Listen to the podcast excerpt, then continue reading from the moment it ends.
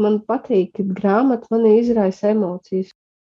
Ja es esmu grāmatā, tad es esmu vienā grāmatā. Es nevaru būt divās vietās vienlaicīgi.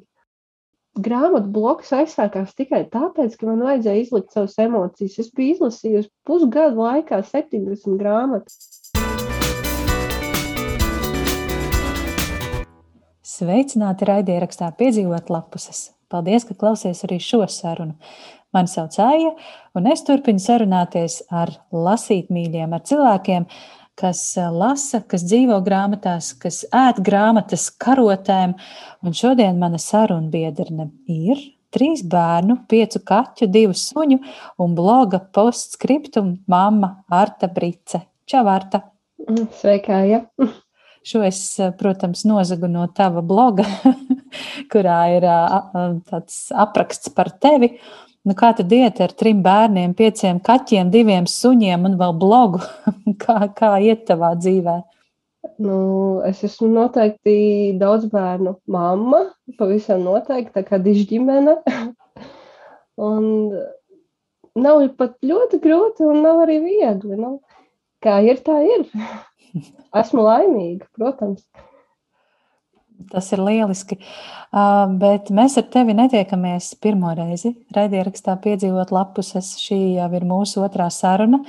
Tajā pirmajā sarunā, kas bija 2020. gada jūnijā, tu nebija viena, toreiz bija vēl kāds sarunbiedrs. Jā, kas ir mainījies pa šo laiku? Ir mainījies bloga nosaukums, kas vēl? Nu, tad es biju divu bērnu mamma, tagad es esmu trīs bērnu mamma. Tad bija tikai viens suns, tagad ir divi suņi. Nu, ģimene ir augusi. Jā, un bloga nosaukums uh, ir mainīts. Jā, pavisam, pavisam nesen, pirms tam bija Austrālē. Un mainījās nosaukumu tāpēc, ka es vairs īsti nespēju sev sastaisīt ar šo vārdu, ar austru, jo bija tā, ka pat cilvēki uzrunājot vēstulēs vai, vai komentāros, visur mani uzrunāja par austru. Un man tas likās pilnīgi normāli un tā tādi, bet kaut kā laikam ejot, es sapratu, ka tas vārds īsti nesaslēdzas kopā ar mani, jo Austra LV uh, blogu es aizsāku 2016. gadā. Un toreiz es nerakstīju par grāmatām, es pat nelasīju grāmatas. Tā bija tikai tāda uh, vietiņa, platformiņa, kur es izliku savas domas, savas jūtas, savas emocijas, jo es neesmu cilvēks, kurš uh, acs pret acu pateiks, kā viņš jūtas. Teiksim, šobrīd arī grāmatblogā uh, es to izmantoju. Es izrakstu ārā savas emocijas, to, ko es patiesībā domāju, varbūt ikdienā nepasaku. Un brīžiem, kad uh, vīrs lasa, Tad viņš man jautā, tu tiešām tā jūties, vai tas ir tikai tā, lai piedod kaut kādu efektu tam, tam rakstam, bet es tiešām rakstu to, kā es jūtos. Un, ja es redzu kaimiņu pa logu, tad noteikti es blogā arī to pieminēšu, ka es redzu kaimiņu, ja es dzeru kafiju vai ēdu bulciņu, tad tur tas noteikti arī būs rakstīts. Tas nekas nav izdomāts. Viss ir tā, kā dzīvē notiek. Man ļoti patīk tie bloga ieraksti. Laikam tas, kas man tur patīk, ir tā dzīvība. Jā, kaut kāda ļoti mm, liela asprātība arī. Man šķiet, ka ir tik interesanti, kā tu proti sasaistīt eh, grāmatu ar eh, savu personisko pieredzi, ar to, ko tu redzi, ar kaut kādām subjektīvām sajūtām. Un eh, tad ir dažādas asprātības un, un vārdu spēles, ko tu liec lietā. Un šo tavu tekstu ir ļoti patīkami lasīt. Tas ir tas ir gandrīz nu, atsevišķs, atsevišķs mākslas darbs. Tā gribētos teikt. Jo nu, kā par labām kritikām un labām recenzijām saka, ka tā pati par sevi ir uh, literatūra. Tad par tavu blogu arī tā, tā noteikti var teikt, ka tavs blogs ir arī literatūra. Stāsti. Es pavisam nesen tieši arī saņēmu komplimentu no cilvēka, kas man uzrakstīja privāti. Uh, ka viņam ir sajūta, ka tas ir, ir kā grāmata par grāmatām. Nu, mums tieši nesen izdevniecībā Zvaigznē iznāca kaut kas līdzīgs, bet nu, jā, tas ir tā kā internetā. virtuāli. Un, un ir ļoti interesanti lasīt tieši tāpēc, ka šķiet, ka tur lasi nevis vienkārši aprakstu par grāmatu, kas ir grāmatas otrā pusē, bet tur ir ielikts vairāk uh, emociju un, un, un, un, un jā, apmēram tā. Kā vispār tapa, jā, kā, kā tā, pat, izveidojās tava interese par grāmatām? Tu teici, ka Austra, bloks austra.lv tas sākumā nebija par grāmatām, tas bija vienkārši emocijas, bet jā nu, es zinu, ka, ka tā grāmatu mīlestība tev tā kaut kā pēkšņi nejauši sākās, bet vai tiešām nejauši? Es neticu, Jā, ka, ka, liter, ka, li, ka literatūras stundās skolā tev slikti gāja. Es neticu. Man negāja slikti literatūras stundās, un ja es tagad pateiktu, un man literatūras skolotāji dzirdētu, ka es nelasīju obligātu literatūru, viņi man neticētu. Bet es vienmēr kaut kā ar savu rakstīšanu uh, esmu izšmalkusi, jo, kā es parasti saku, es leju ūdeni. Es varēju pierakstīt pilnu lapu ar pilnīgi neko, un skolotāji bija pilnīgi skaidrs, ka es esmu izlasījusi grāmatu. Nekāda problēma nebija. Un vienmēr visi arī klases biedri, nu, wow, atkal viņi ir sarakstījusi tik daudz, nu, kā tas var būt? Nu, man kaut kā tā rakstīšana ir padavusies uh, vienmēr. Un grāmatas es nelasīju. Jo parasti saka tā, nu, jo vairāk tu lasi, jo arī vieglāk tev rakstīt. Nu, rakstnieki it kā daudz lasa. Nu, ir arī rakstnieki, kur nelasa nemaz. Es laikam tad ietilptu pie tiem, ja man būtu grāmata, tad es būtu pie tiem rakstniekiem, kas lasa maz. Bet um, tā mīlestība, grāmatu mīlestība bija tā kā tāda uh, iemīlēšanās no pirmā acu skatiena, jo man nepatika lasīt. Man liekas, tas ir pilnīgi lieki. Tur šķirstīt grāmatas. Man bija grāmatas, es pat gāju un pirku. Es pirku grāmatas, bet viņas visas krāja putekļus. Uh, es iegāju grāmatnīcā, es pat īsti nezinu, ko. Nu, paņēmu kaut kādu grāmatu, smukas vākas, jā, paņēmu, nopirku. Un tad bija uh, 2018. gads, man pagāja diezgan uh, bēdīgi, man bija pēcdzemdību depresija. Neko man negribējās darīt, man tikai gribējās gulēt un gribējās, lai visi liek mani mierā. Un tad bija Ziemassvētku laiks, un man mamma prasa, nu, ko tu gribētu, lai te uzdāvinu uz Ziemassvētkiem? Nu, teiksim, lai praktiski, nevis es tev kaut ko nopirkšu un nopirkšu tev mikseru, un viņš tur stāvēs uh, skapī. Un es teicu, nu, uzdāvinu man grāmatnīcā dāvana kārtu. Un viņi, nu, nopietni, priekš kā, tas taču nav uz grāmatas. Un es tajā brīdī domāju, nu, a, varbūt pamēģināt. Un tad es atceros, ka parasti saka, uh, nedalīja lāča ādu, kamēr lācis vēl mežā. Bet es drīz kā biju pateikusi viņai par to dāvanu, ka es sāku skatīties vispār, kas aktuāls ir šobrīd literatūrā, uh, un ko cilvēki lasa. Un es Facebookā atradu izcilo grāmatu grupu. Es sāku skatīties, un, un, un, un, un kaut kā to laiku, man šķiet, ka tas bija tas laiks, kad iznāca grā, uh, filma Homo Novus, un arī grāmatu pārizdeva.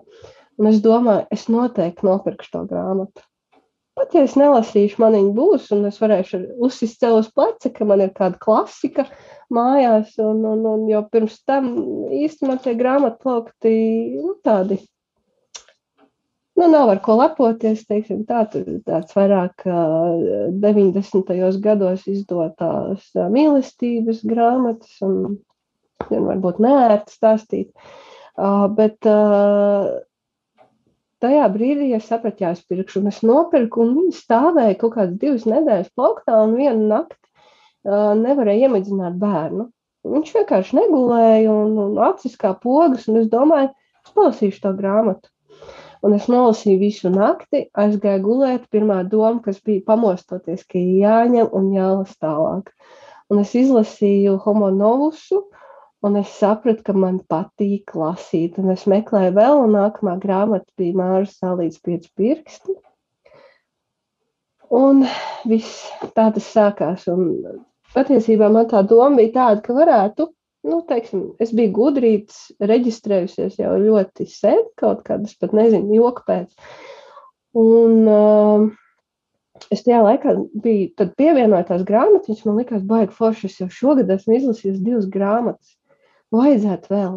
Un tā īstenībā tas sākās krājot to statistiku. Es sāku lasīt, un es janvārī izlasīju 21 grāmatu. Un man kā nelasītājai pilnībā tas bija vienkārši šoks, nu, ka es pati to varu un man gribējās visiem izstāstīt, un es stāstīju kaimiņienei. Viņa saka, jā, es izlasu gandrīz 30 grāmatas mēnesī, 40, bet viņi ir pensionārs un viņi tiešām visu laiku sēž un lasa, un tas ir mazliet savādāk, bet es esmu divu bērnu mamma, tajā laikā bija divu bērnu mamma, un, un tiešām bija tā, ka es aizgāju gulēt ar grāmatu, un es cēlos, es visu laiku lasīju. Bet, paldies Dievam, es nedzirdēju nevienu pārmetumu par to. Un tā arī sākās man tā, tā lasīt kāra, kur auga tikai augumā. Un tad, protams, ir lūzuma punkti, kad negribas lasīt neko. Bet kaut kā es tieku viņiem pāri. Galvenais ir atrast to īsto grāmatu. Lai ir tā kāra atkal lasīt. Kā tu, kā tu sameklē to īsto grāmatu? Es noteikti skatos pēc atsauksmēm. Es pats neko neizdomāju. Tagad tot, paņemšu kaut ko tādu. Es parasti paskatos gudrības, tiešām atsauksmes. Es skatos pēc zvaigznēm, cik ir tas reitings grāmatai. Un es esmu arī diezgan iekritusi uz to sāpīgi iekritus. Tā kā es lasu grāmatas un saprotu, kā vispār viņai var būt tāds vērtējums. Tik augsts, jo es iespējams nesaskatu tajā neko. Uh, bet varbūt tas arī ir atkarīgs no emocionālā stāvokļa, kā teica rakstnieks Karls Ruijs Safons, ka grāmatas jau ir tie mūsu spoguļi. Viņas jau parāda to, kas ir mūsos pašos, jā, un varbūt, ka tajā brīdī manī ir tukšums. Varbūt tajā brīdī es esmu emocionāli izsīkusi, man bērni ir nokaitinājuši, vīrs neklausa, jā, suņi vai, vai kaut kas tāds, un vienkārši tā grāmata nu, liekas ļoti slikta. Bet kas ir svarīgi, teiksim, ja es lasu grāmatu, un es lasot bieži vien domāju, es nezinu, kā ir pārējiem, kā ir tev, bet es jau uzreiz domāju, cik zvaigznes es viņai varētu iedot. Un tad parasti ir tā, nu, šis velk uz trīnieku. Bet tad, kad es lasu, uh, rakstu blogā un eju vēlreiz cauri tai grāmatai, tiem citātiem, tām sajūtām, uh, uzreiz tā atzīme paaugstinās. Un es nezinu, vai tas ir pareizi pret lasītāju, jo mm, man viņa emocionāli paaugstinās. Bet varbūt būtu godīgāk dot to trīnieku nekā to četrnieku vai citreiz četri ar, ar plusu. Ja? Jo, ja kāds vēl tāpat dara, kā es skatās pēc gudrības vērtējumu, viņš domā, nu jā, regulāri tie ielika pieci, tā noteikti būs laba grāmata. Un tad es brīžam arī redzu, ka grāmata, kas man ir bijusi ļoti mīļa, un viņai ielikt slikts vērtējums, es, es esmu bēdīga, protams, bet, nu, varbūt acīm redzot, tajā brīdī atkal cilvēkam. Cilvēks, tas, kurš lasīs, ir bijis tukšs. Ja? Un atkal tā grāmata, kas viņu uzrunā, man neuzrunā. Mēs esam tik dažādi. Un tas ir īstenībā fantastiski. Mēs neesam vienādi. Mm. Es piekrītu, jā. Bet vai tu atceries kādu tādu pēdējo vilšanos, kur grāmata ir ļoti saslavēta, bet tevi tā pavisam neaizskara, nepieskaras tev? Nu, tāda, ko, kurai es ļoti sliktu vērtējumu iedabīju, manuprāt, saucās puisēns svītrēnā pidžamā. Uh, grāmatas tā doma bija izcila, bet man šķiet tas sniegums vai arī tulkojums līdz galam nu, mani nepaņēma tā, kā es to būtu gribējusi. Jo es, teiksim, šai grāmatai ir arī ekranizācija, un es skatījos traileri. Man liekas, wow, super ideja. Nu, kam kaut kas tāds varētu ienākt prātā? Nu, es sīkumos nestāstīšu, jo īstenībā tā doma ir fantastiska. Bet man pietrūka, man grāmatā pietrūka kaut kāda efekta. Varbūt tā ir domāta vairāk tā kā bērniem. Nu, teiksim, tā grāmata ir par, par holokaustu, par, par koncentrācijas nometni. Tie vēstures faktu Vēstures fakti tur man šķiet ļoti maz bija. īsti nesapratu, kurā koncentrācijas nometnē tur viņš bija, tas bērns. Kaut kas pietrūka. Grāmata bija saslavēta, nu, wow, super. Bet es izlasīju, un man, es biju ļoti bēdīga. Man bija tiešām dusmas, ka var tā tik pliekani uzrakstīt. Teiksim, tā ir zupa, tad viņai nav sāls, viņai nav dārzeņu, tur ir tikai ūdens. Nu, apmēram tā. Hmm. Un, un cīrvis kaut kur vēl. Jā. Jā, tev ir kāds mīļākais virziens vai, vai varbūt tēma, kas eh, tev īpaši saista grāmatās? Kas ir tā Nu, tava tēma? Agrāk man likās, kā vēsturiski romāni, bet jo vairāk es viņus lasu, jo sliktāk es jūtos. Es nesen tieši pēdējā grāmata, ko es izlasīju, bija Elijas Vīzels nakts, kas ir arī par šo tēmu holokaustu, bet tā ir biogrāfiska. Tā ir uh, viņa apcere par to, kā, kā notika tas, kā viņus deportēja, viņa ģimeni. Nu, ārprāts pēc tās grāmatas izlasīšanas es jūtos tik tukša. Man bija tāds kauns, ka vispār cilvēki var kaut ko tādu darīt. Es biju lasījusi arī iepriekš par ebreju iznīcināšanu, kā tas notika. Lika pašiem raktās bedres un, un, un šāva, un viņi tur krīt. Bet par maziem zīdainīšiem nu, tur bija arī tādi, nu, tādi fakti, ja, kurus es pat nezināju. Es domāju, kā vispār cilvēks var kaut ko tādu izdarīt. Viņš Pēc tam aiziet mājās, viņam taču ir sava ģimene, savu bērnu, viņš sēž pie pusdienu galda, tā ka nekas nebūtu noticis. Vienkārši man tas ir, prātam, neaptverami. Arī tāpat kā uh, situācija pasaulē, kas šobrīd notiek tāpat mūsu kaimiņos, un tā, man, es, es nespēju aptvert. Man tas, man tas neliekas normāli, ka cilvēki kaut kādā tādā veidā, piemēram, arī 21. gadsimtā, kārto kaut kādus rēķinus un cenšas izbīdīties priekšplānā, būt vislabākie. Man nav skaidrs. Nu jā, tas, tas vīzels bija tik. Uh, viņš bija sākumā, es sapratu, ka viņš ir šo stāstu uzrakstījis 800 lapušu garu. Un nakts ir tā kā uh, reducēta, viņa ir maza grāmatiņa, viņa nav liela, um, virs simts lapusēm nedaudz, un tur ir tiešām tā kā koncentrāts izvilkts. Vienkārši tu lasi, un tev visu laiku mute ir vaļā, nu kā tā var būt. Un pēc tās grāmatas izlasīšanas man bija tik slikti fiziski, man sen nebija bijis tik slikti, un man vīrs atnāk, un viņš grib ar mani parunāt par kaut ko, un es saku, es nevaru, man vienkārši nav spēka, es negribu runāt. Viņš man saka, nu varbūt tad tev nevajag lasīt tādas grāmatas. Bet man, nu, no vienas puses, man patīk uzzināt šo, šīs vēstures lapus, jo, kā es arī rakstīju blogā, uh, viens ir, ka tu sēdi vēstures stundā un uh, šos te faktus kalno galvas, tos gadu skaidrus, uh, visus tos uh, ģenerāļus un vadītājus un visus tu iekal, bet otra, otra tā puse ir tie stāsti, uh, to cilvēku stāsti, kur ir bijuši upuri. Un man šķiet, ka šie stāsti ir jāatver, kamēr mums vēl ir no kā tvert. Jo, teiksim, mana vecmāmiņa arī man stāstīja visu kaut kādus stāstus par kāru, par to, kā bija, un es biju maza meitene. Es neko neatceros, tikai tādas atblāzmas, un tagad, kad es tā domāju, es nezinu, vai es to nosapņoju, vai, vai tas ir bijis pa īstam, vai viņa to man ir stāstījusi. Un ir ļoti žēl, ka man vairs nav neviena, kas man to pastāstītu. Un tad ir šie stāsti, kurus mēs varam lasīt tiešām no tiem cilvēkiem, kas ir bijuši klātesoši. Nevis tie, kas ir darījuši pāri, bet kur ir bijuši upuri. Un tas ir ļoti svarīgi, manuprāt, nu, kā saka parasti, lai vēsture neatkārtotos. Man šeit mēs neprotam mācīties, un vēsture tikai atkal un atkal atkārtojas. Un arī šobrīd par to, kas notiek pasaulē, nu, nu viss iet kā pa diedziņu, tā kā tas ir bijis agrāk. Mm. Žēl, bet, bet tā ir taisnība. Vēsture tiešām atkārtojas.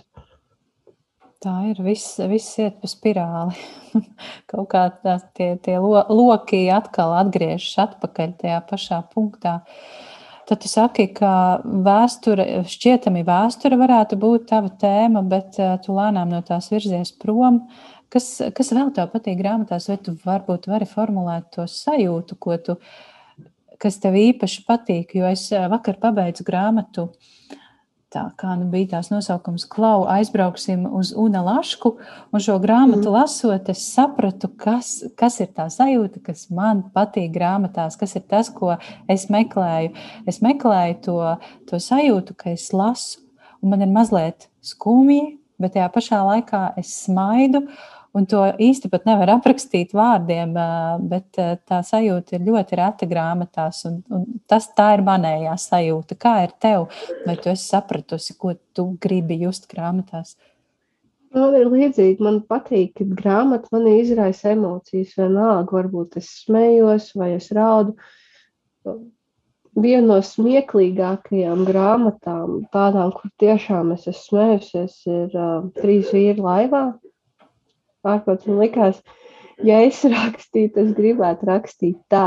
Jo man vienā brīdī grāmata ir rakstīta 880, 1880 kaut kādā tur gadā, bet wow, man liekas, ka tā ir pilnīgi par mūsdienām. Nu, tikai varbūt tie tēli dzīvo kaut kur pagātnē, bet pilnīgi vienkārši uh, tā, tā aina, ko, ko autors uzbūr, tas ir vienkārši kaut kas fantastisks un tik smieklīgi, tik asprātīgi.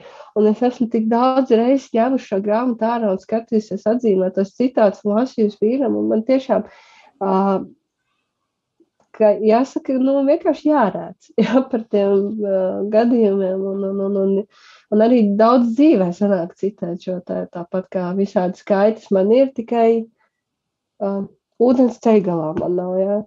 Un, un, un fantastiski grāmata. Un, un otrs, jā, tas, kad ir tā šī te puse, kad ir tās skumjas, patīk arī, kad ir, un, un, un, un protams, tas kaut kādā veidā tevi emocionāli izsmeļ. Uh, Bet kā es esmu kaut kad blogā arī rakstījusi, ko es daru, lai atjaunotos. Tad, kad es izlasu grāmatu, uzrakstu blogu un nopublicēju, tad man tikai liekas, ka es to grāmatu esmu paveiktas lasīt. Un tajā brīdī es vai nu mazgāju matus, vai nu beržu istabas, tā, tā es uzlādējos. Un, un vai tajā brīdī arī pārdomāju, kas man ir, pat, pat ir bijuši tādi brīži, kad es tīru mānu saprotu, Tur taču bija savādāk domāts, nekā es to biju pirmkārt nolasījusi. Bet īstenībā jau katrs šo stāstu nolasa savādāk. Vienalga, nu, desmit cilvēki lasa grāmatu, divi varbūt nolasīs vienādi, vispārējie nolasīs pilnīgi savādāk, un tas ir pilnīgi normāli. Un, un, un, un tā. Bet galvenais, jā, lai ir emocijas. Ja es izlasu grāmatu, un man tāds, nē, nu, tad tas nav bijis priekš manis. Mm. Bet, principā, visas grāmatas pārsvarā, par kurām es rakstu blogā, nu jau ar postskriptumu, tad, kad es vēl rakstīju Austrālijā, tad es pārsvarā centos rakstīt par tām grāmatām, kuras tiešām man, man patīk, kaut kādā veidā uzrunāt, kuras varbūt es lasu un es varu sasaistīt ar savu dzīvi.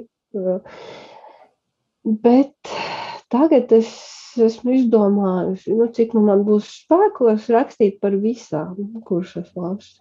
Lai tā kritika ir arī tāda kritiskāka, jo pirms tam man liekas, ir tā, ka lasa, nu, man viss patīk. Nu, viņai viss patīk, jā. Viss ir labi, viss ir skaisti, bet es beidzot gribētu arī uzrakstīt tādu, tādu, kā pat Nu, konstruktīvu, konstruktīvu jā. kritiku, jā. Ja, ka, ka tu uh, saredzi gan plusus, gan mīnusus šim jā. darbam, nebaidies pateikt arī, kas nepatīk. Bet es saku, jā, tieši tajā brīdī, kad es rakstu, es tagad to grāmatu iemīlu vēlreiz, un, un es nezinu, vai tas ir pareizi. Jo es eju visam pāri un saprotu, jā, bet nu, tik skaisti. Nu, īstenībā, nu, tik skaisti. Tā kā jā, iepriekš man Austrālijā bija sadaļa mēneša čērtgriezumā, kuras bija daudz kritiskāk, un ja man grāmata nepatika, tad es to tā arī uzrakstīju. Lai gan arī uh, man ir, man ir arī tādas sliktās, sliktās atsauksmes arī man ir blogā pareizi. Piemēram, kāpēc mēs guļam? grāmata man izraisīja diezgan lielu sašutumu, un beigās es viņu lasīju vienkārši pa diagonāli, lai tikai ātrāk tik no viņas vaļā, jo tā bija izdevniecības dota grāmata. Un bija jāuzraksta atsauksme, un bija ļoti grūti īstenībā, jo es visu laiku rakstu, tas bija tik dusmīgi vienkārši. Jo, Šo te nu, principā, tulkojumu. Par tulkojumu varbūt pat ne, varbūt, tas arī bija tulkojuma dēļ, bet principā viss, ko es no tās grāmatas uzzināju, ka tas, ka es neguļu, ir slikti, es neguļu. Es īstenībā neguļu.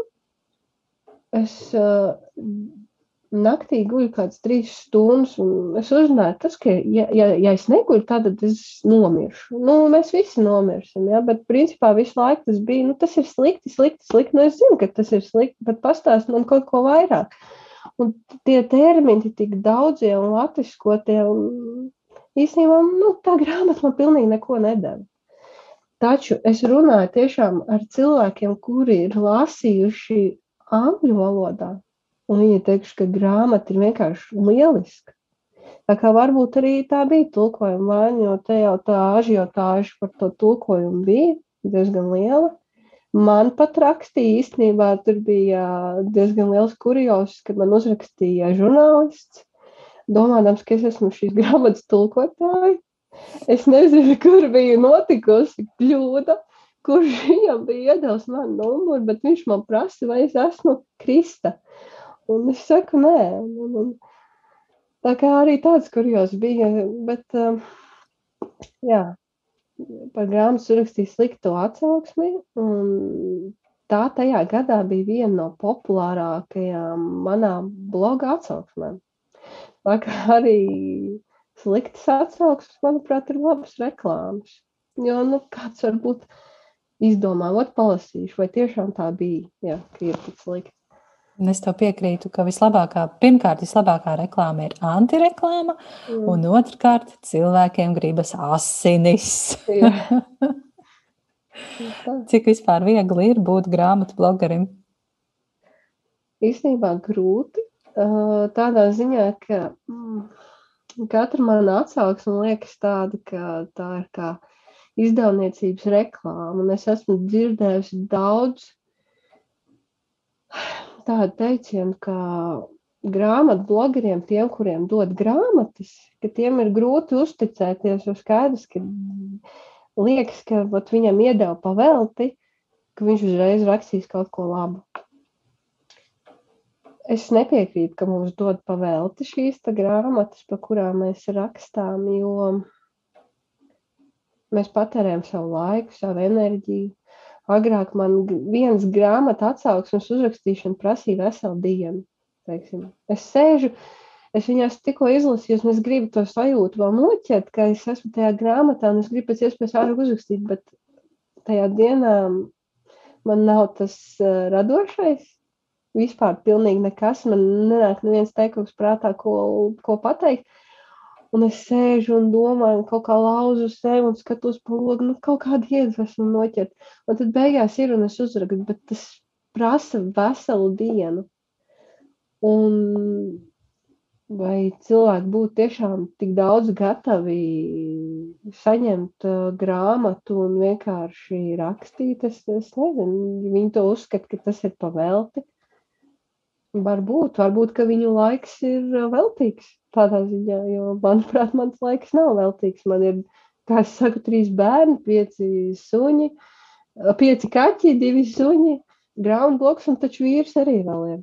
Nu, ir, tik pareizi. daudz, ir tik daudz, ir tik daudz apkārt cilvēku un, un, un, un, un, un dzīvās radības. Nu, mans laiks, manuprāt, nav veltīgs. Un Ir sāpīgi brīžam to, kaut ko tādu dzirdēt.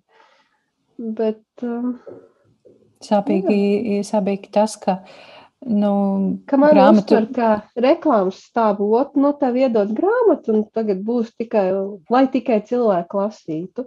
Mm. Un tā pilnīgi noteikti nav. Jo ir, protams, ir mazās izdevniecības, kas uzraksta un saka, nu, reku mums te iznāca jauna grāmata, vai tu gribētu. Un agrāk es piekrītu pilnīgi visam. Skaidrs, ka man bija prieks, ka mani uzrunā. Šobrīd es mācos arī atteikties, teiksim, zinu, ka,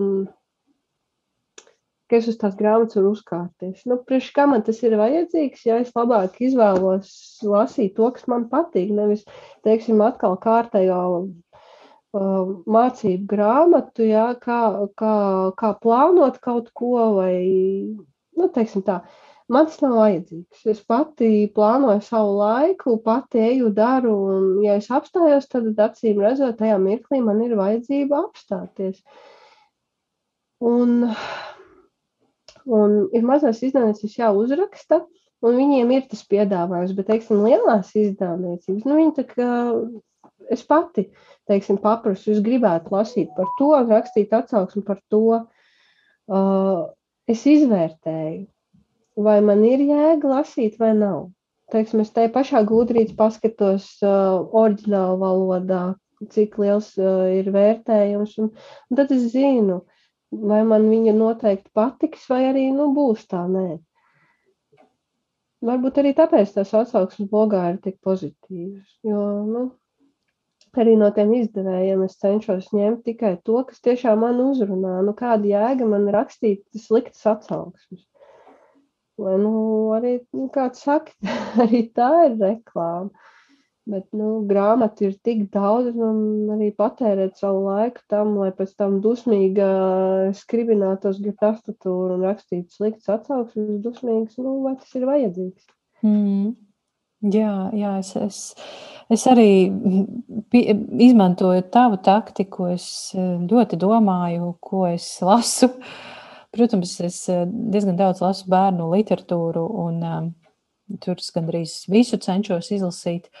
Bet um, es, ja man uzraksta kāda izdevniecība, es tā pamatīgi padomāju, vai tiešām tas būs tas, ko es vēlos lasīt tieši šobrīd. Un es, es nebaidos pateikt, eh, piedodiet, bet es tiešām nespēju izlasīt, un es, es negribu jūs mānīt, es nevarēšu uzrakstīt to atsauksmi. Mm -hmm. Tuvākā gada laikā pilnīgi noteikti nē. Jo man īstenībā ir grāmata, kas man stāv, es pat ne gadu jau varbūt tiešām stāv Un es esmu tik pateicīga izdevniecībai, ka viņi vēl nav mani bakstījuši, jo es zinu, ka tā atsauksme būs.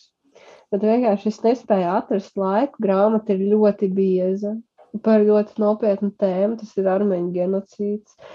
Un es zinu, ja es lasīšu to grāmatu, man tam vajadzēs ļoti daudz laika. Ļoti daudz uh, tādā. Man jābūt emocionāli stabilai, uh, lai, lai, lai kaut kur neapstātos un atkal nenomestu viņu kaktā. Es gribu paņemt to grāmatu un vienkārši no sākuma līdz galam arī izlasīt. Nevis tā pa gabaliņam, jo arī priekš manis tas nedara. Teiksim, es lasu vienu grāmatu, tikai vienu grāmatu. Es esmu centusies lasīt vairākas. Tas nekam nedara. Es nezinu, kā cilvēki to spēj lasīt vairākas grāmatas vienlaicīgi. Es abrīnoju, es nespēju. Uh, ja es esmu grāmatā, tad es esmu vienā grāmatā. Es nevaru būt divās vietās vienlaicīgi. Ja es esmu neko pusnakts bibliotekā, tad es esmu pusnakts bibliotekā. Es nevaru būt tagad Barcelonā vai, vai Krievijā vai izsūtījumā Sibīrijā. Ja? Nu, es nespēju. Jā, es to piekrītu. Bet kā tev iet pusnakts bibliotekā? Kāpēc es viņu īstenībā tur rokā? Um,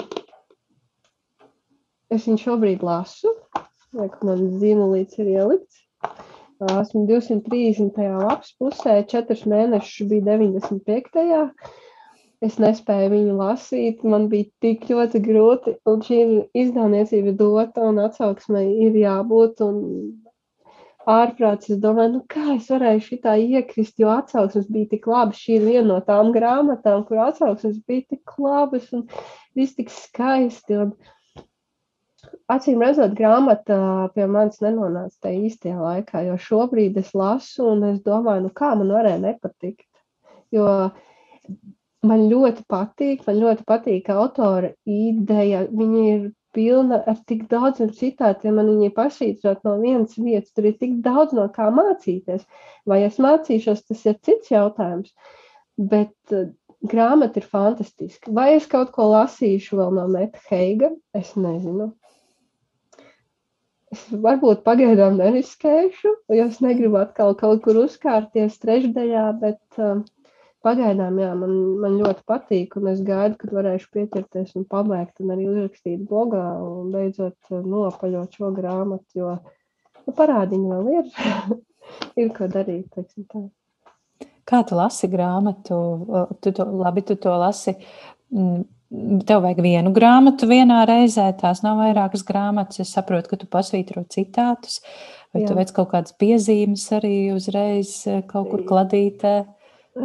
Es piezīmes veicu uz grāmatas stūriem, bet īsnībā ir tā, ka, ja tā ir bibliotekas grāmata, tad ir grūtāk. Protams, es neķērpāšu bibliotekas grāmatu, kaut gan es esmu rakstījusi savu blogu grāmatu lapus, es teikšu, nu, varbūt kāds paman, jo, uh, nu, ja kāds cits lasa, teiksim, un es zinu, ka es rakstīšu par to grāmatu blogā, tad varbūt, ka viņam būs interesanti šā, o, kas ir Austrelvē. Jā, paskatīšos. No, cik viltīgi. Jā, Šo es nebiju iedomājies vispār. un, un, un it īpaši tā bija Džeims uh, Baldvina grāmata, uh, Giovanni istaba, kuras dabūju no Rīgas bibliotekas, no galvenās, un, un, un, un, un, un tur es obligāti ierakstīju Austrālijā, ja nu kāds šo grāmatu dabū un tiešām paskatās. Bet nu, tagad jau nosaukums ir cits, bet ar Austrālijā joprojām var arī apskatīt blogu un lasīt. Un, un, un es veicu piezīmes uz grāmatas stūrīšiem. Man ir uh, telefons pie rokas, kas ir slikti, jo, veiksim, es atveru uh, savu piezīmju lapiņu virtuālo telefonā, un tad pēc tam es pēc tas, kas jauns Instagramā, kas jauns Twitterī, Facebookā, un tad es atopos pēc pusstundas, ka nekas nav izlasīts. Oh, jā, tā ir tāda nelaime. jā, tā kā, bet uh, ar roku tā kladītā kaut kur tā es nepierakstu. Bet bibliotekas grāmatām es fotografēju. Citātus, teiksim, es atrodu, tas ir ļoti labs, blogam noderēs, tad, tad es nofotografēju. Un, un, un, un jā, lai, lai būtu tā grāmatas sajūta, es cenšos rakstīt uzreiz blogā, tā kā pēc grāmatas izlasīšanas uzreiz arī sākt rakstīt. Un tad es pāršķiru to atkal, pārlasu kaut ko. Un tieši tajā brīdī arī notiek tā otrreizējā iemīlēšanās grāmatā, vai arī, ja viņa man nav īpaši patikusi, es atkal kaut kādu sajūtu noķeru, bet nē, tiešām ir ļoti laba grāmata. Mm. Cik bieži tev lūdz padomus ar te iesaka kaut ko, iesaka kaut ko labu, ko izlasīt, vai man, man tur jābūt dāvana? man tiešām ir lūgts, pa, lūgt palīdzību, man ir uh, rakstījuši Instagramā, teiksim, omītei, omītei vajag dāvināt grāmatu vai ko, un es tajā brīdī īstenībā sapratu, ka es neko nesaprotu. Neko no grāmatām nezinu, es nezinu, ko ieteikt. Jo es lasu tikai to, kas patīk man. Es nevaru ielīst citu cilvēku dvēselē, tīpaši omītas dvēselē. Nu, ko es varu ieteikt? Nu, es pasaku, nu, kontinents, jā, nu, skatieties izdevniecībā, jā, kontinents kaut ko ar, ar puķītēm vai ar, ar sieviešu mugurpusēm uz vāka. Nu, tās parasti patīk omēm. Nu, ir tāds priekšstats, ka šis ir pilnīgi nepareizi. Ja tīpaši runājam par apgādu ko, kontinents. Jo ir ļoti daudz cilvēku, kur vienkārši principi pēc nelasa. Ot, es nelasīšu, tāpēc, ka es zinu, ka tur ir romīšu vai eh, pensionāru eh, literatūra, bet pilnīgi noteikti tā nav. Un man pat ir žēl, ļoti žēl, ka, ka kaut kā tā ir izveidojies tas priekšstats. Vai arī vērtējot grāmatas pēc vāka. Nu, nevar vērtēt grāmatu pēc vāka. Es arī to daru. Bet tas ir pilnīgi nepareizi. Jo iekšā var būt tāds dārgums, un ir grāmata ar skaistu vāku, un tur nekā iekšā nav. Pilnīgi izniekots laiks. Tā, Tā ir. Bet kontinents ir mistiska, mistiska parādība Latvijas grāmatniecībā. Es tiešām nezinu un nesaprotu, kā to, kā to uztvert, kā to formulēt un vispār, kas tas ir. Uh, Jo jā, viņi parādījās 90. gados, un manā omītē arī ir pilni plaukti ar šīm spīdīgajām muguriņām, kontinentā, zemeslodītēm un skaistajām sievietēm uz vāka. Bet uh, tas, ko viņš šobrīd izdod, uh, es atzīstos, es neesmu lasījuši pilnīgi neko gadiem no kontinenta, jo es arī dzīvoju stereotipā, ka tur joprojām ir Daniela stīla un, un viss pārējais. Viņi arī izdod ļoti labus tādus trillerus, nu, teiksim. Vai, vai es atceros, nu, viena no manām vilšanām, kas bija, bija izkaisītās dzirksteles. Es zinu, ka ir seriāls, kurš ir ļoti augsti atzīts seriāls, uh, balstīts uz grāmatu. Uh, angļu valodā ir uh, grāmatai ļoti labi veicies. Man kaut kā latviešu neuzrunāja, jo kontinents, es atvainojos, bet ir viena no tām izdevniecībām, kur raksta ar tik daudz kļūdām. Es nezinu, kas tur, ko viņi laiž klāt pie grāmatas pārlasīšanas, un, un, un, jo ir tik daudz kļūdu. Vienkārši lasi, es neesmu nevienai izdevniecībai tik daudz kļūdu pamanījusi vienkārši vārdiem, burti vietām vai kaut kas tāds. It kā jau, um, nu ko tev tas maina? Tu taču saproti, kas tur rakstīts, bet es uh, pērku to grāmatu. Ja es tomēr uh, savus līdzekļus viņai ieguldu, un man gribētos, lai kāds kvalitatīvāk viņai pieiet klāt. Mm. Nu, man mm. ir grūti, grūti šo teikt, jo nu, nu, tiešām ir tāda sajūta, ka tur uh, neviens nav tai grāmatai pieskāries, kā plūkotājs ir iztulkojis, tā viņa arī ir palaista tālāk. Mm. Tipogrāfijām Nu, skumji, jā, jo tā jau arī rodas šie stereotipi, diezgan tas vājais izpildījums. Bet, jā, izkaisītās dzirkstels bija viena arī no tām grāmatām, kuras lasīju, un es nesapratu, kas var patikt, bet cilvēki ir sajūsmā. Lai gan es pirms tam biju arī lasījusi uh, uh, grāmatu avots Gabriels Skocijā, kas ir uh, arī ļoti klasisks darbs. Es biju lasījusi uh, vēl tur barikojā un, un, un visu to. Un tad pēkšņi es paņēmu rokā to grāmatu. Viņa likās nu, tāda pliekana. Tas skaidrs, ja tu lasi tādus klasiķus. Un paņem rokās uh, grāmatu, kur, kur, kurš veido Amerikā seriālu, vieglu tādu. Un tad, nu, ko var gribēt? Mm. Tā salīdzināšana arī diezgan arī tas ir grūti īstenībā likt vērtējumu, jo, ja tu paskaties, nu, kā tu vari salīdzināt uh, tādu klasisku darbu ar tādu mūsdienīgu, vieglu vai pat paši izdot, jā, ir ļoti daudz šie autori, kuri paši izdod savus grāmatas, kuriem arī. Un galvenais jau laikam tās emocijas, lai mūsos kaut kas sakustas. Tas, to, to var sakustināt arī romāns, romantisks romāns, bet, eh, bet, bet ja nē, tad nē. Tieši tā. Jā. Klau, nu ko, mēs esam daudz runājušas, un, un laiks raidierakstu piedzīvot lapuses ātrijai spēlei, kurā es nosaucu vienu autoru, un tavs uzdevums ir pateikt pirmo asociāciju, kas ar šo autoru mm. saistās. Mm, un Es klausījos, ko tu runāji, ko tu stāstīji, un centos noķert tos autorus, ko tu pieminēji. Un tad pirmais mans, manis minētais autors būs Anšlaus Eglītis un tā asociācija. Um, smiekli, prieks, laime. Ko tu vēl esi no viņa lasījusi?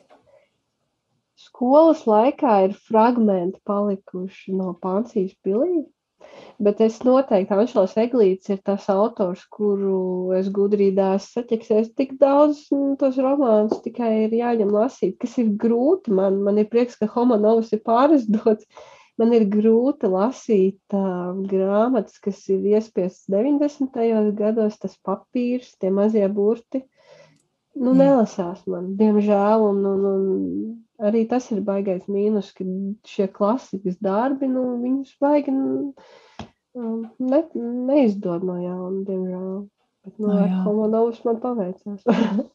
tās, tās brūnās, sadzeltējušās, sabrūnējušās lapas ar šausmīgi sīko fontu. Es atveru to grāmatu, man, man nolaižas rokas. Negribas lasīt. Jā, jo es lasīju arī Džordžu Orvelu, uh, kurš bija izdevums, neatceros gan kura gada, bet arī no tiem laikiem, 90. vai pat senāks. Kur bija dzīvnieku ferma un viens uh, 984 bija kopā. Tā kā tas vienkārši man nelasījās uz priekšu, man bija tāda interese, bet es saprotu, es lasu un vispār. Nu, tās lapas tik plānas, ka tu neredzi to progresu un pilnīgi gribas nolikt no to grāmatu un ķerties klāt nākamajai. Nu, tas arī ir tāds baigais mīnus. Bet, nu, Es zinu to grāmatu. Man arī ir tas pats izdevums ar to cūku uz vāka. Ja? Tā, tāds, jā. Tu teici, smiekli, Anšaus Eglīts un smiekli. Cik tev svarīgi dzīvē ir smiekli un humors? Uh, tas man ir vissvarīgākais. Man brīžiem cilvēki saka, nu, teiksim, es esmu sociālā tīkla cilvēks, es esmu gandrīz visos sociālos tīklos. Uh, izņemot TikToku. jo es saprotu, ka tad man grāmatām vispār mest ārā.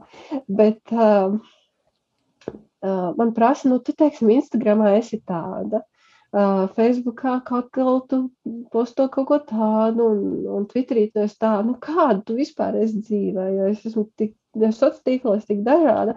Es dzīvē esmu tā kā Twitterī, nu palasiet Twitterī manu, jā, un meklējiet ar Brica. Um, es esmu jautra. Es dzīvē tiešām esmu jautra, un ja es esmu pareizajā kompānijā, tad viss ir um, pārsmējušies, un arī skolā es biju tas, kas saka, klases klauniņš, jā, kur viss bija apkārt, un mēs tikai smējāmies. Es īstenībā pa, daudz pamatskolas laika atceros tā, nu, negribīgi, bet man pamatskolas laiks uh, arī asociēs tāpat kā Rančla Veglīte ar smiekliem ar prieku, jo mēs Es atceros tikai smieklus, prieku, un, un, un tas bija tāds ļoti skaists laiks. Un tad sākās lielā dzīve, un tad tie prieki bija mazāk. Bet es joprojām cenšos uh, tvert jebkurā lietā prieku, smieklus. Pat ja tā ir bēdīga lieta, tad melnais humors man ļoti patīk. Melnais humors. Un, jā, Bet īsībā tie cilvēki, kas mani maz pazīst, teiksim, satiek mani pirmo reizi dzīvē, viņi domā, ka es esmu tur kautrīga, introverta. Es īstenībā esmu cilvēks, kurš tā uzreiz nelaiž nevienu savu klāt. Patiesībā, ja, ja ar mani tā ilgstoši uzturs vienā telpā, tad vienā brīdī mēs vienkārši vārtīsimies pa zemi no smiekliem. Tā tas ir. Kad mēs varētu aiziet iedzert kafiju, ar te es gribu izsmieties. Klau, jā, es gribēju komentēt šo, šo to, to, ko tu tikko teici, jo tu par, par tiem priekšstatiem pastāstīji ļoti izsmeļoši un, un interesanti. Un, un mans priekšstats Man liekas, ka tas humors tev ir atvēries, vismaz publiski atvēries tikai nesen. Es nezinu, kāpēc man tā liekas, bet man tā liekas. Jo līdz, līdz kaut kādam nesenam brīdim man likās, ka tu esi tāda ļoti ārkārtīgi romantiska un apgarota būtne. Tāds bija mans priekšstats par tevi. Nu jā, ja, ja ņem to kā piemēru blogu, Tad, jā, nu, tur es izrakstu savas emocijas, tur es pasaku kaut ko vairāk, kā es jūtos. Nu, protams, iekšā nu, es esmu sievišķīga, varbūt es to uz āru tā neizrādu, bet nu, manī sēž iekšā tas romantiskais. Varbūt ikdienā tik daudz to neizrādu. Vairāk ir tas ha, ha, hi, hi. Nu, visi zina, nu, ja es esmu, tad būs ha, ha, hi, hi. Labi, ejam tālāk. Nākamais autors - Ruijs Safons. Wow, tas ir kaut kas skaists. Jā, es zinu, ka pagājušajā gadā laikam tev tas bija top augšgalā, izlasīto jā. grāmatu top augšgalā. Jā, jā, ir viena no tām grāmatām, jā, kur ir. Mm, es absolūti abrīnoju, kā kaut ko tādu ir uh, uzrakstīt. Bieži vien saka, nu, uh, Pat nesen bija kaut kur tēma starp grāmatniekiem, nu, kas ir tā klasika, nu, ko tu sauc par klasiku. Nu, tad vēja ēnu es sauktu par klasiku, jo tas ir kaut kas tāds, kas daudz cilvēkos izraisa kaut kādu plašu rezonanci, cilvēki par to runā, man šķiet, ka šī ir viena no tām grāmatām, kas nevar nepatikt.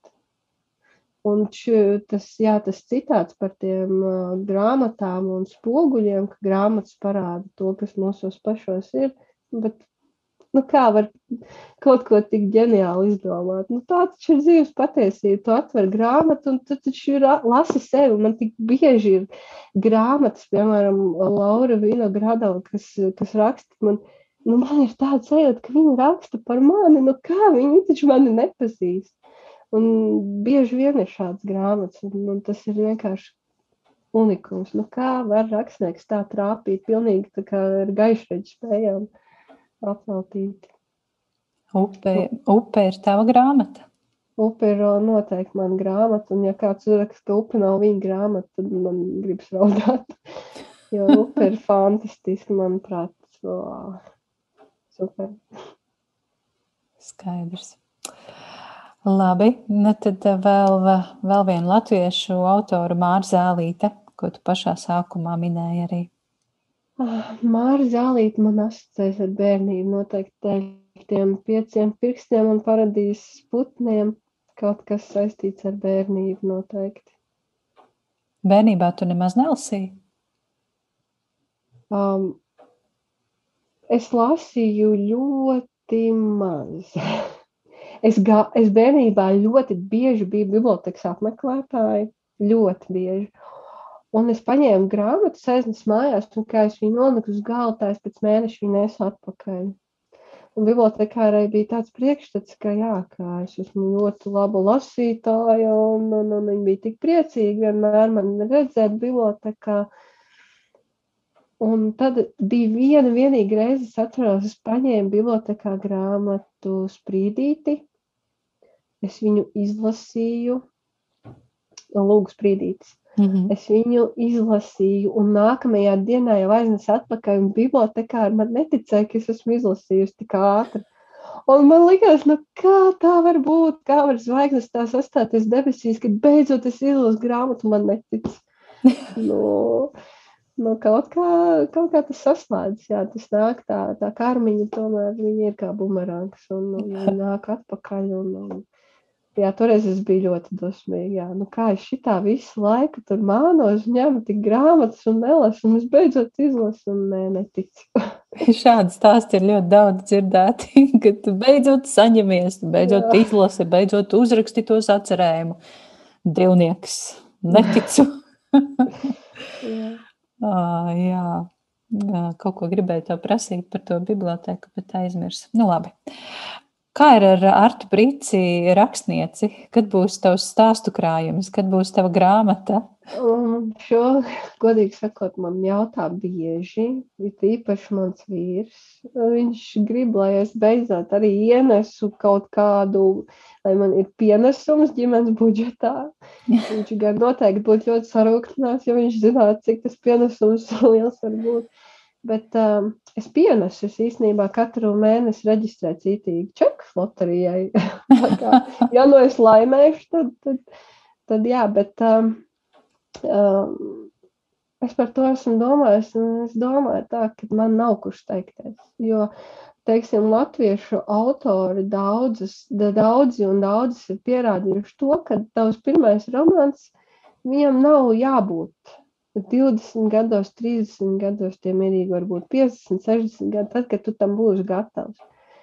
Un es šobrīd varbūt īsti nejūtos gatava tam sēdēt un, un, un atdot sevi kaut kam tādam, lai pēc tam to atdot lasītājam un man saplosīt gabalos, jo bieži vien uh, redz to, kas notiek, uh, kā, kā šo te, šos te jaunos autorus saplos gabalos un man no tā ir ļoti bail. Jo es pat esmu teikusi, nu, ja tu, ja tu nevari pieņemt kritiku, tad nedari to. Bet tajā pašā laikā es domāju, vai es pats spētu. Un, un vai es pat necīnītos ar zobiem un nagiem pretī šiem visiem sliktajiem komentāriem. Man grūti teikt. Bet tu par to domā? Man šķiet, ka ik viens, kurš mazliet kaut ko dara, vienalga, uh, raksta tvītus vai, vai raksta blogu vai vienalga, ko viņš, katrs mēs, kurš mazliet raksta, grib to grāmatu. Dziļi sirdī jau mēs ik viens gribam. Pat uh, maiznieki izdod grāmatas, jā, nu, viņam ir tā grāmata. Viņš nodod kaut kādu savu vēstījumu, vai es esmu gatava tam, man grūti teikt, šobrīd noteikti nē. Jo es nesen tieši lasīju gudrībā, es nezinu, vai tu pamanīji, bet um, bija vienai latviešu autorai uh, tieši atstāta atsauksme par grāmatu, kur viņa pat arī izdod. Tur bija diezgan skarba kritika. Un tā frāze man iesēdās vienkārši galvā. Ne visiem, kuriem skolā padevās sacerējumi, ir jāraksta grāmatas. Mm. Tas man lika arī tā mazliet. Nu, varbūt, ka tajā bloga līmenī tie mazie īsie stāstīņi, varbūt tas kādu uzrunā, bet vai kāds būtu gatavs izlasīt šādu grāmatu, uh, 300 lapu pušu biezumā un, un, un, un, un priecāties par to. Par, par ko tu gribētu jādara. rakstīt? Ja es rakstītu, es noteikti rakstītu stāstus, jo es neticu, ka es spētu koncentrēties kaut kam vienam. Kaut kam vienam. Un tie noteikti būtu stāsti par cilvēkiem, eh, stāsti par cilvēkiem, par iekšējām sajūtām. Tas man šķiet, ko es vislabāk pieprotu. Tieši to emocionālo aspektu atspoguļot. Lai gan arī man ir bijuši piedāvājumi, bet mēs tā tādā domu līmenī ar vīra māsīcu. Viņa ir māksliniece. Mēs tā vienā satikšanās reizē tā domājam, nu kā būtu, teiksim, mēs radītu bērnu grāmatu. Bet ar bērnu grāmatām atkal ir Nu, šie bērnu grāmatu autori vispār dzīvo kaut kādā citā izplatījumā. Kā viņi to spēja panākt, uzrakstīt tik vienkārši tā, lai tas ir bērnam saprotamā valodā, bet līdz ko to lasa pieaugušais, viņš lasa atkal citā līmenī, viņš nolasa pilnīgi kaut ko citu. Un, un saprot, ka tā grāmata, viņam pat bērna grāmata ir kaut ko devusi emocionāli. No tas ir līmenis. Vai atkal es to spētu uzrakstīt tā, lai bērnam ir saprotami? Varbūt es spētu uzrakstīt tā, kā pieaugušiem ir saprotami, bet lai bērnam tā vienkārši. Tas arī ir cits stāsts. Mm. Es klausos un domāju, tu esi vairāk paškritiska vai tu esi vairāk bailīga? Man šķiet, ka tur ir ļoti daudz paškritikas iekšā. Varētu arī tā būt, jā. Es parasti, nu kā, es vienmēr esmu teikusi, es rakstu tikai, teiksim, grāmatu bloks aizsākās tikai tāpēc, ka man vajadzēja izlikt savas emocijas. Es biju izlasījusi pusgadu laikā 70 grāmatu. Man, es stāstīju vīram, es taču redzu, ka viņam neinteresē, ko es stāstu. Un, un, un tādu cilvēku tajā laikā arī, teiksim, tajā pašā Instagramā tā grāmatnieku komūna, kas ir šobrīd, viņa nebija tik liela. Un īsti nebija neviens, ar ko tā parunāties par tām grāmatām. Un tad es izdomāju, ka es rakstīšu blogu. Tikai sev, nu, protams, ka es izliku, apskatēju arī citiem, bet laika gaitā redzot, ka šī statistika blogam aug, un es taču redzu, ka cilvēks, cilvēks skatās, ka viņi pavada kaut kādu laiku tajā blogā. Nu, protams, ka tas deva kaut kādu stimulu tam visam, bet tajā pašā laikā es domāju, vai, vai tiešām viņiem patīk, ko es rakstu vai viņus uzrunā, vai tikai tā ir man kaut kāda iedoma. Ja? Ir grūti, tāpēc ir, protams, ir tik labi dzirdēt labus vārdus un, un, un to atgrieznisko saiti, ka kādam ir paticis tas tavs ieraksts. Jo par grāmatām īstenībā, nu teiksim, es rakstu šo te atsauksmi par grāmatu, bet tur jau īstenībā par to grāmatu es beigās uzrakstu tik niecīgu daļiņu tikai. Uh, Un, un, un, un man vīrs saka arī, nu, varbūt raksta mazāk tos, to savu emociju, bet man šķiet, ka manā blogā tas ir vissvarīgākais, tā mana emocija. Un, un, un ja vēl kāds ir, ir izlasījis to pašu grāmatu, un viņš ienāk un, un redz, ka ir tā pati emocija arī viņam, kaut kas saskata, tad tas vispār ir fantastiski, manuprāt. Mm. Tā kā, jā, es esmu diezgan, diezgan tādā ziņā paškritisks. Nu, protams, ka es arī priecājos par sevi. Nav jau tā, ka, ka tikai tā kritika, kritika, bet uh, tas laikam ir tas, tas, tas vairāk, kas attur nevis tās uh, bailes varbūt uh, no citiem, kā bailes no sevis. Ja nu beigās pašai nepatīk. blogu tais varu izdzēst, bet grāmatu izdotu no grāmatu plauktiem grāmatnīcās es jau izdzēst nevarēju. Slēgt, slēpt pagrabā 2000 eksemplāru. Kaut gan par šo bija, jā, ja lasa vēja ēnu, tur tieši bija tas par šo tēmu, kad uh, rakstnieks iznīcina savus grāmatas, lai neviens tās neredzētu. Viņš pilnīgi viņam ir izstrādāts plāns, kā to izdarīt, un tā, tā kā lasiet ēnu, tas fantastiski.